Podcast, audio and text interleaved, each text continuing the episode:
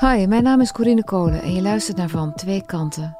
In elke aflevering interview ik twee geliefden over een heftige gebeurtenis in hun relatie. Ik interview ze apart van elkaar, zodat ze openhartig kunnen praten. Deze week spreek ik met Gerard en Mariette. Ze zijn beide diplomaat, een baan waarvoor ze jarenlang los van elkaar in verschillende delen van de wereld wonen. Hoe is het om een leven lang een lange afstandsrelatie te hebben, als je ook nog samen vier kinderen hebt?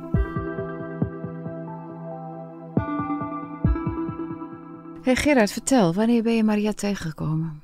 Wij hebben elkaar ontmoet toen we allebei in de universiteitsraad kwamen in, uh, van de UvA. In 1994. Uh, toen kwamen we allebei voor een verschillende studentenpartij in de universiteitsraad. En wat zag je? Wat zag je voor vrouw? Ik zag een hele Meisje. mooie uh, lange blondine. Ehm, die heel erg uh, niet geïnteresseerd was in een man in het algemeen en zeker ook niet in mij.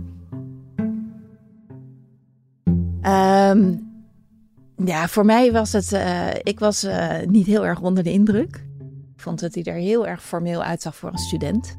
Hij had volgens mij een witblauw gestreept overhemd aan met button-down knoopjes. Het ook, was ook verkozen vanuit een andere studentenpartij, die inderdaad iets meer zeg maar, aan de conservatieve kant stond. En ik uh, iets meer aan de progressieve kant. Uh, maar het was vooral heel formeel. Hij was vooral heel formeel. Het was ook niet alleen gezellig, ook heel, heel scherp. Ik kan heel slecht tegen slechte redeneringen en zo. Dat vond ik erg grappig. Vond je er leuk? Ja.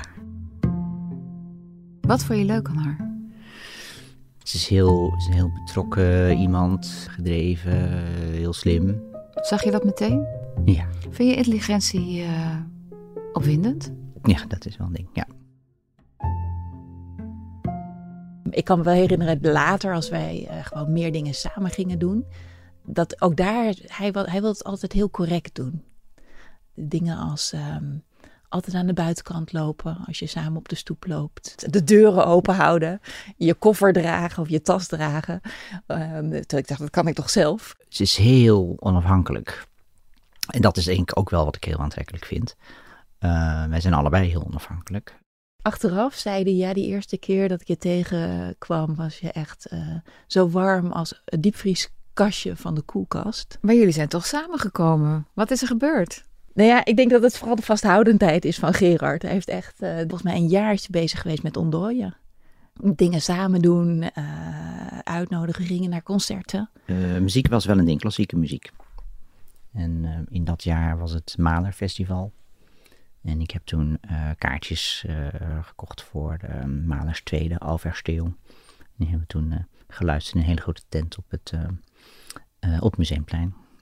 En, en daarna hebben we gezoend. Nou, ik denk uiteindelijk toen ik me gewonnen heb gegeven, zeg maar, maar het masker heb laten vallen, uh, was een, een beetje moeilijke periode voor Gerard. Hij had een kaakoperatie gehad, uh, die nogal heftig was. Dus ik kan me herinneren dat we samen waren we volgens mij op 4 mei uh, bij de dodenherdenking geweest op de Dam. hij had een kaakoperatie gehad. We gingen daarna bij hem in de buurt nog even wat drinken. Maar hij kon eigenlijk nauwelijks praten en had heel veel pijn. Um, en misschien, ja, het is een beetje raar, maar misschien omdat hij niet kon praten, dat ik, dat ik dacht, dat het eigenlijk toch wel een aardig, lieve jongen. Toen hij niet meer kon zeggen, ik wil aan die kant lopen en ik wil je tas dragen, toen vond je me ineens heel aardig. Ja, toen hij het niet uh, probeerde met man en macht te laten zien dat hij echt een, uh, een, een man was. Ja. Uh, hij liep mij natuurlijk wel zo geland als hij was nog naar huis. En toen waren we aan het praten en, en uh, is die eerste, eerste zoen gekomen. Ontdooide ze? Ja, ja niet heel erg. Uh, maar, uh, is ze ooit ontdooid? jawel, maar ehm, ehm, heel warm wordt het niet. Nee? nee. jullie hebben elkaar dus leren kennen. Ehm, toen zaten jullie in de universiteitsraad. daarna zijn jullie samen naar het diplomatenklasje gegaan. hoe lang duurt zo'n diplomatenklas? dat was toen zes maanden. En daarna ging jij naar Moskou? Ja, voor twee jaar. Dat was mijn eerste uh, buitenplaatsing, zoals ze dat noemen. Mijn eerste functie op een, uh, op een ambassade. En dat was vrij bijzonder om gelijk naar een ambassade te gaan. Want meestal begin je in Den Haag op het ministerie. Uh, maar ze hadden toen een acuut probleem en ik spreek Russisch. Dus ik ben mijn, mijn eerste functie naar het klasje na de opleiding was gelijk naar Moskou. Tweeënhalf jaar waren we samen, ja. Wij woonden samen, we hadden een samenlevingsovereenkomst. Dat was gewoon geregistreerd partnerschap.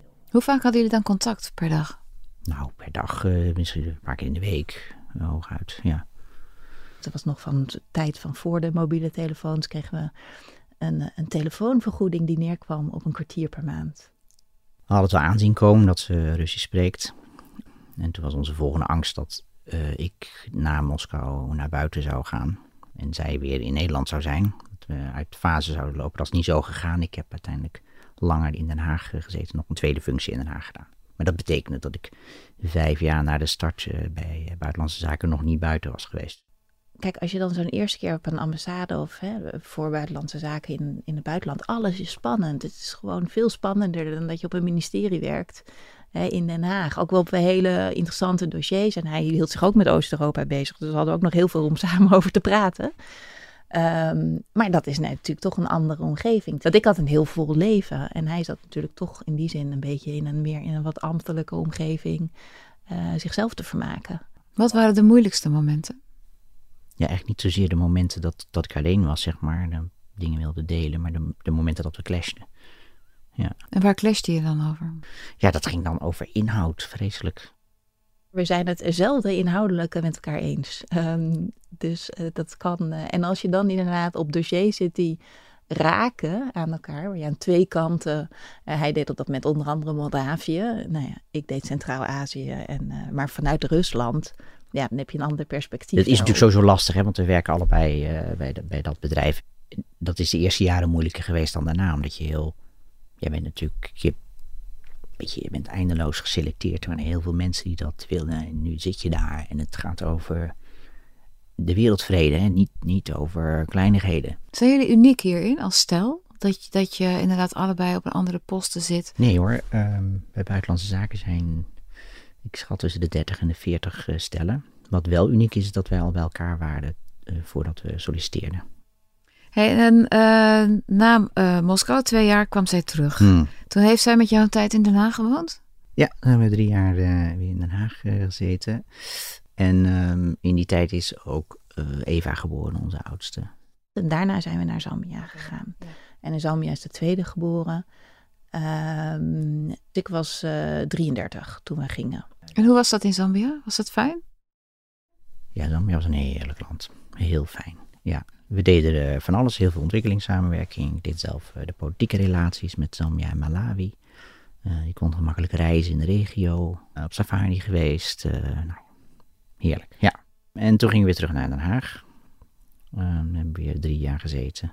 Maar in die periode dat we in Den Haag zaten, ben ik wel weer een half jaar weg geweest. Of voor het eerst toen een half jaar helemaal weg. Waar naartoe? Naar Afghanistan, naar Uruzgan. Ah ja, dan komt zij niet naar Afghanistan uh, eens in, in de maand, neem ik aan, met die twee dat kleine ook niet, kinderen. Hè? Dat is dan echt een, een non-family posting. Dat is ook veel te gevaarlijk, dus dat ja, kan echt nee, niet. precies.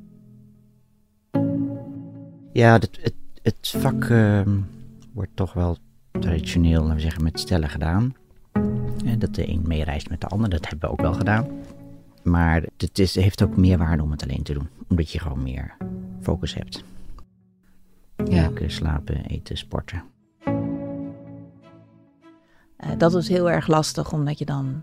Nou ja, ik heb echt diep respect voor alleenstaande ouders. Want dan word je een totale robot om met een fulltime baan en drie kleine kinderen en de opvang uh, en de boodschappen gewoon de dingen draaiende te houden. En dat is ook wel door de jaren heen. Uh, als er een periode was dat ik niet thuis was en Gerard thuis met de kinderen, dan was Gerard altijd van de delegeren en de schema's. Die ging echt niet alles zelf doen. Dus iedereen krijgt een taak en dat organiseren we. Terwijl ik dat inderdaad typisch ben van ik neem gewoon alles op mijn schouders. Uh, en niet lullen, maar poetsen. en zorgen dat het huishouden draait. En dan kom je weer terug. Mm -hmm. En omschrijf eens hoe je dan weer uh, landt op Schiphol. Nou, dat is heel, uh, dat is echt wel lastig. Um, hoe lastig? Nou, uh, dat het weken duurt voordat je weer een beetje je plek hebt gevonden. Kijk, het gezin heeft natuurlijk zijn, ritme gevonden zonder jou. Um, dan heb je ook in de praktische dingen heb je even geen rol. Want ja, ze deed alles alleen. Of met de oudste Eva hielp al wel een beetje mee. Dat krijg je dan ook vanzelf. Um, dus dat duurt dan weer eventjes. En dan moet je je ook een beetje bescheiden in opstellen. Want uh, Als je iets roept van dat deden we altijd zo of ik wil het zo of waarom, dan is dat dan snel te veel. Want het is natuurlijk dan snel ook kritiek zeg maar op, op hoe ze het daarvoor gedaan heeft. En later toen ik zelf weg was, merkte ik dat ook. Dat ik dat, dat als je een tijd weg bent geweest, wat langer weg bent geweest, dat het gewoon, dat je aanvankelijk ben je gewoon de waarnemer in je eigen huis. Het lastigste gevoel is dat je totaal overbodig bent. Die kids die zitten aan tafel uh, met Gerard en die hebben een enorme uh, nou ja, filosofisch jut en jul gesprek. En ik vind dat een heel grappig gesprek, maar ik ben helemaal geen speler. En mijn mening zeg maar, wordt niet gevraagd. En aan de ene kant is dat heel erg leuk, want in zekere zin is misschien ook wel mijn comfortzone. Dat je gewoon een beetje onzichtbaar bent, dat je heel klein kan maken. Dat vind ik heel prettig. Maar af en toe is het natuurlijk ook frustrerend van mag ik ook nog iets te melden hebben over uh, wat we vanavond gaan, gaan eten of uh, naar welk land we op vakantie gaan. Of doet mijn mening er helemaal niet meer toe of waar ik behoefte aan heb. Maar het voelt heel ontheemd. Ja, ja. Uh, maar daarom wordt je gezin wel belangrijker. Want en je relatie, want dat is, dat is, dat, die is er in principe. En ja. dan ook, ook als je elkaar heel veel niet ziet, is dat toch wel je basis. Ik denk wel dat een van de belangrijkste discussiepunten is inderdaad wel de afweging. Hoe belangrijk is je werk? Hoe belangrijk is je gezin? De kinderen, hoe belangrijk zijn wij voor elkaar? Omdat wij toch elke keer weer, ik zou zeggen, keuzestress hebben. Uh, elke twee, drie, vier jaar, uh, oké, um, nou dan gaat er weer één verkassen of allebei. Wat gaan we doen? Wat is het belangrijkste? Kies je voor jouw uh, carrièrekansen? Kies je voor, voor je gezin of voor je partner? En wie maakt ruimte wanneer? En Gerard heeft heel veel ruimte moeten geven om mij kansen te bieden. Na die paar jaar in Den Haag zijn we naar de Soudaan geweest, 2009 tot 2011. En daar werd met plaatsvangend ambassadeur was een hele belangrijke stap. Maar we wisten dat het geen makkelijk land was. Uh, ook gewoon los van de politieke situatie, maar het is klimatologisch is het uh, uh, echt de heetste hoofdstad ter wereld. heel stoffig. Um, drie keer per jaar regen, s'nachts. En voor Gerard niet duidelijk of hij daar, in ieder geval kon hij niet op de ambassade werken, dus niet duidelijk of hij daar aan de slag kon. Dus we zijn wel van het begin af aan bezig geweest met dat hij voor de VN uh, zou kunnen gaan werken. Maar dat ging helemaal niet zo makkelijk. En daarna heeft hij, heeft hij voor Buitenlandse Zaken gewerkt in Qatar. Dus heeft hij een half jaar, ruim een half jaar niet bij ons gewoond. Maar ook daarna, toen we vanuit Khartoum naar Skopje gingen, toen moest hij weer onbetaald verlof nemen. Want ook daar kon hij natuurlijk niet zomaar aan de, aan de bak. Maar het was mijn eerste ambassadeurspost. Dus hij had ook wel zoiets van, nou, dan kijk ik wel wat ik, of ik me daar nuttig kan maken. Hij is op een gegeven moment eigen consultancy gestart. Maar het was voor hem heel lastig. Maar en het heeft dat... ook voor gezorgd dat toen die kans langs kwam van, zal ik twee jaar hè, um, naar, uh, naar Bagdad gaan. Dat ik ook alles van, ja, maar weet je, ik zal je missen en we gaan je hier missen. We hebben hier nodig. Maar alles liever dan een kniezende man op de bank. Die ga vooral doen wat, wat jouw energie geeft en een kans is ik denk dat dat gewoon heel goed geweest was. Hij was, is niet het type om dan thuis te blijven zitten. Dan was ik per twee maanden was ik netto 18 dagen thuis of zo. Ik moest dan ook nog naar Nederland, voordat ik dan weer naar Macedonië ging.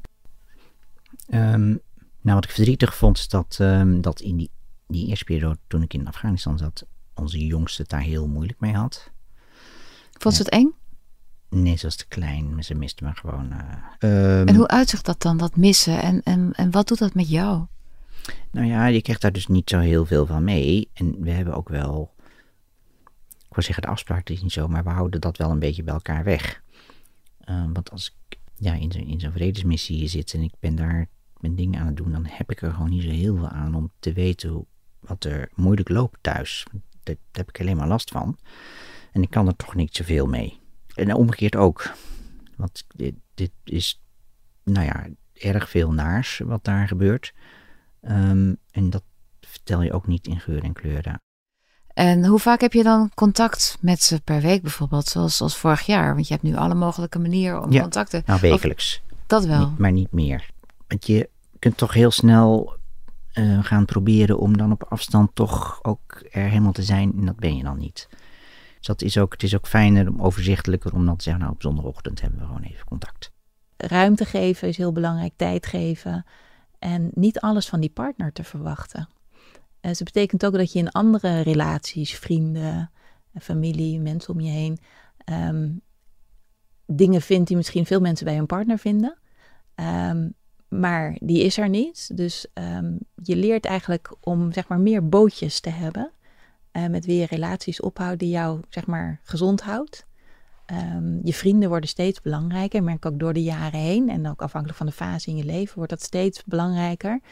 Um, en ja, je verwacht niet alles van je partner. het is niet, we zijn niet een setje. En is het ook wel eens misgegaan dat je dacht van nu heb ik zoveel uh, gewoon niet verteld om haar te sparen of omdat ze er toch niks aan kan doen dat, dat je een soort van feeling wel kwijtgeraakt bent? Nee, want ik, als ik op een gegeven moment um, uh, daar wel behoefte aan heb, dan ga, ik, dan ga ik dat toch wel doen. Ik heb wel, uh, ik heb op een gegeven moment in Mali vorig jaar meerdere malen per week um, staan brieven over etnisch geweld in, in centraal Mali. Ja, dat, dat gaat op allerlei niveaus niet in de koude kleren zitten. Het is het, geweld zelf en de plaatjes die hier niet in de media komen, maar die je dan wel ziet. Ook inhoudelijk, je, je, taak is om er iets aan te doen. En, je, en het is moeilijk. Het is gewoon echt heel moeilijk om, eh, om te bedenken wat je daarmee moet. Ondanks dat we 13.000 man eh, in die vredesmissie hadden. Dus die, laten we zeggen, die, die frustratie wil je dan kwijt. En wat, wat fijn is, dat ik dan ook een partner heb die niet alleen kan luisteren, maar ook nog eens het in perspectief kan plaatsen. En misschien zelfs wel eens een keer een tip of een. Of een Want wat zegt ze dan bijvoorbeeld tegen je? Je belt op, je hebt iets vreselijks meegemaakt, gezien, gehoord. Je belt je vrouw op. Hoe gaat zo'n gesprek? Nou, dan, dan komt dat, dat perspectief van, uh, van wat er dan in, uh, in Nederland in de krant heeft gestaan, bijvoorbeeld, of in Den Haag uh, aan de hand is, hoe, hoe daarnaar wordt gekeken, dat komt dan wel even aan de orde. Nou ja, dat geeft je dan al iets meer greep. Weet je, want ergens anders is iemand die wel extreem vertrouwd is, zal ik maar zeggen, is ook iets daarmee aan het doen. Het grappige is, want uh, ik vroeg hoe gaat zo'n gesprek? En jij vertelt meteen dan over wat, de informatie die je uitwisselt. Mm. Hè? Het is niet, ik mis je of uh, ik, ik, ik, zou je zo graag willen ruiken of nee. weet ik het, noem nee. maar wat. Nee. Dat is het ook niet? Dat gebeurt nee. ook niet in die gesprekken? Nee. Helemaal niet? Nee. Nou, de telefoongesprekken gingen heel erg over de praktische dingen. Gewoon wat er thuis gebeurde. En um, we hadden wel natuurlijk al Skype, dus dat maakt de conversatie allemaal wat makkelijker. Maar dat waren ook niet hele diepe gesprekken over, uh, uh, nou ja, over het leven, zou ik maar zeggen. Nee, daar leent Skype uh, of FaceTime zich ook niet echt maar je voor. Kan, je kan wel zeggen, ik mis je of ik hou van je Mm. Nee, ik denk. Nee, volgens mij niet. We hebben, wat ik zei, het is wel. Ik me nu ook bedenk van hè, het feit dat wij dit konden doen, was ook wel omdat we gewoon allemaal gezegend zijn met de goede gezondheid. En ook de kinderen gewoon goed in hun vel zaten. Want als je het dan ergens over hebt, zijn de dingen die je bijvoorbeeld heeft met de kinderen op school, als er iets is. Of uh, onze jongste was, uh, die verdween wel eens. Die was een beetje wegloperig, grappig genoeg, net als ik als klein kind. Ja, en dan was het wel zo wat ik zei, dat hij uh, natuurlijk om de vier weken kwam die thuis. We moesten vaak ook nog eventjes naar Den Haag, maar dan was hij toch altijd wel drie weken bij ons. Um, ook daar was wel altijd weer even landen. Um, moest je altijd wel even bijkomen. Maar dan was ze ja ook weer, altijd druk met de kinderen en school en uh, dingen in huis. En kennissen die je daar had en vrienden die we hadden.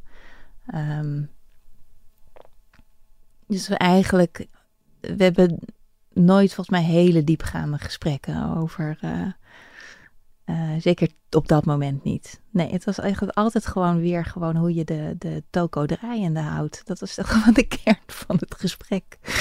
ja, uh, wat dat betreft wel heel saai. En vind je dat jammer? Ja, dat vind ik wel jammer. Maar je doet het zelf ook niet? Nou, ik doe het wel, maar... Wat zeg je dan? Uh, ja, inderdaad, dat ik, er, dat ik er mis. Dat ik er zou willen vasthouden. Uh, en daar, daar, ik wil niet zeggen dat ze niet mee kan omgaan, maar ze, ze, ze reageert daar niet echt op. Wat zegt ze dan bijvoorbeeld? Dan komt ze met uh, wanneer we elkaar weer zien of spreken of zo met iets praktisch. Ja. Nou, je, in de, juist in de periode dat je het zwaar hebt, mis je dat wel. Dus uh, bijvoorbeeld uh, toen, toen ik uh, in, in Skopje zat. Als er perioden zijn dat het zwaar was. En dan ben je ook heel behoorlijk eenzaam. Je staat ja, als ambassadeur behoorlijk op een voetstuk. Je leeft in een glazen huis, dus je bent kwetsbaar. Wat zeg je dan? Um, ik voel me zo eenzaam en ik zit in een glazen kooi en, kooi en ik voel me hier verslagen kut. Zeg je dat dan wel eens? Um, nee, dat zeg ik niet. Nee. Um, ja, ik ben iemand die wel vrij veel, in die zin misschien vrij introvert en vrij veel, zeg maar, elke keer weer kracht uit mezelf uh, haal en motivatie om mezelf stabiel te houden. Ze is dus ook niet iemand die um, uh, me heel erg uh, nodig heeft en, en, en, en dat etaleert. Want dat is niet zo. Dus daar, dat vind ik soms wel eens jammer. Ja. Op wat voor momenten? Nou, het is meer. Want als de, laten we zeggen, de grotere momenten. Hè, mijn, uh, mijn ouders zijn allebei in de afgelopen twee jaar overleden. Dan is ze er heel erg uh, voor me. Dus laten we zeggen, ik, wat ik nodig heb, dat um, komt wel. Maar zij, wat gek is, dat is misschien het ding. Zij heeft niet heel veel nodig. En misschien is dat eigenlijk vervelender. Volgens mij heb ik Ger, Ger toen wel gebeld, maar meer van hij moet weten dat hij iets speelt voordat hij het. Uh, langs een andere kant hoort. En dan heb ik Gerard, die is dan, die gaat dan, dat is het grappige inderdaad, die gaat dan oplossingen aandragen terwijl je dat niet wilt. Dat mis je dan inderdaad wel gewoon iemand om tegenaan te praten. Uh, die, maar die, die heb je, want die, je hoeft hem alleen maar te bellen. Ja, precies. Maar wat ik zei, Gerard is dan heel erg oplossingsgericht. Die gaat dan uh, met een oplossing. Dus ook als ik Hè, dat kan ook op veel persoonlijker vlak, hè, als ik het ergens moeilijk mee heb, ook, of, of in onze relatie. Uh, dat het dan heel snel naar de oplossingen gaat. Dus dan denk ik, nee, dat, dat, dat, daar, dat hoeft niet. Wat je dus, wat ik, ja, ik heb dat eigenlijk wel, dat ik dat zoek in vriendschappen. Een deel daarvan. Ben je in vriendschappen kwetsbaarder dan in je liefde? Ja. Ik denk het wel, ja. ja. Nee, ik weet het wel zeker. Het is niet, het is niet fijn, maar ik, er is zoveel um, in die relatie um, en, en, en door de relatie ook, uh, ook uh, professioneel en, en, en, en, en, en met onze kinderen enzovoort. Dat is, ja, weet je. En als je dus inderdaad ook van de school bent, wat we allebei zijn, van ja, je, echt, je kunt heel complete relaties hebben, maar, maar niet alles. Dan is het echt wel van, nou weet je, dit is heel goed. Ja. Jullie zitten nu weer tijdelijk samen in Den Haag. Mm -hmm. Maar denk je dat je nog uh, naar buiten gaat? Ja hoor, ja. Waar zou je heel graag naartoe willen? Oh, dat is grappig. Um, het is, uh, voor mij is het geen, uh, geen vakantiegids. Uh, nee, ik ben echt niet met de bestemmingen bezig. Ik heb best veel collega's wel hoor. Van, oh, daar zou ik nog heen willen of daar. Dus heb ik niet zo erg. Ik heb wel erg veel uh, zandpakken gezien. Uh, Afghanistan, Soudaan, uh, Mali, Qatar. Um, dus een iets groenere post is prima. Ja, Europa. Ik zou eigenlijk nu geloof ik wel de volgende keer ergens in Europa willen zijn. Maar dat is nog een ruim begrip. Nou, Kabul staat, staat bij mij nog altijd heel hoog. Afghanistan, ik ben daar voor mijn werk een paar keer geweest. En het is een hele moeilijke, ingewikkelde situatie. Maar ik merk ook dat ik gewoon heel veel uh, energie uit haal uit de veerkracht van de mensen met wie ik daar werk. Ik heb heel veel gewerkt met vrouwen. En, en echt diep onder de indruk hoe die elke keer als iedereen de moed al opgegeven heeft. Dat zij zeggen van nee, weet je, wij gaan het doen, maar blijf bij ons. Um, dit is onze strijd al 40 jaar lang voor vrouwenrechten. Om onze eigen, gewoon de traditionele waarden eigenlijk van Afghanistan weer terug te krijgen. Uh, die hebben zoveel drive en, en die lopen zoveel risico dat ik elke keer denk van, weet je, ons kleine leventje. Weet je, dit gaat over de grote dingen in het leven en zij zijn niet bang en ze blijven doorgaan. Ik wil daar een keertje een, een onderdeel zijn van dat stukje geschiedenis. Ja, want ik geloof dat je, het uitgangspunt is dat dat natuurlijk heel moeilijk is en zo. Maar dat, ja, het is ook leuk om, um, om, om met die onzekerheden om te gaan. Ja. Want? Want dat daagt uit. Dat betekent dat je steeds uh, jezelf opnieuw moet uitvinden. Steeds moet bedenken hoe ga ik dit nu doen. Uh, snel moet beslissen. En, en, we hebben dat allebei kunnen doen omdat we elkaar daarin ondersteunen. En we, echt, we hebben bijna nooit zeg maar ehm, een, een, een kans hoeven laten gaan. Wat andere mensen er ook voor vinden. Mijn zusje zegt altijd van ja, zo kan ik het ook parttime huwelijk. Zo hou ik het ook twintig jaar vol. Maar deels is het ook wel zo. Ik denk dat het net zo waar is als, ehm, als het omgekeerde. Uh, het, is, het is natuurlijk helemaal niet zo makkelijk per se om, om, om uh, altijd bij elkaar te zijn. Je luisterde naar het verhaal van Gerard en Mariette. Vond je dit een mooi verhaal?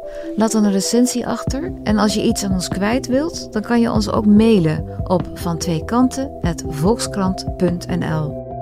Ook zijn we altijd op zoek naar nieuwe stellen die hun verhaal met ons willen delen. Ook daarvoor kun je ons mailen naar vantweekanten.volkskrant.nl. Mijn naam is Corine Kolen. Ik maak deze podcast samen met Simone Eleveld. De research werd gedaan door Marijke Jonkerschouten en de eindredactie was van Corinne van Duin. De begin- en eindmuziek werd gemaakt door Lula13. Dank je voor het luisteren.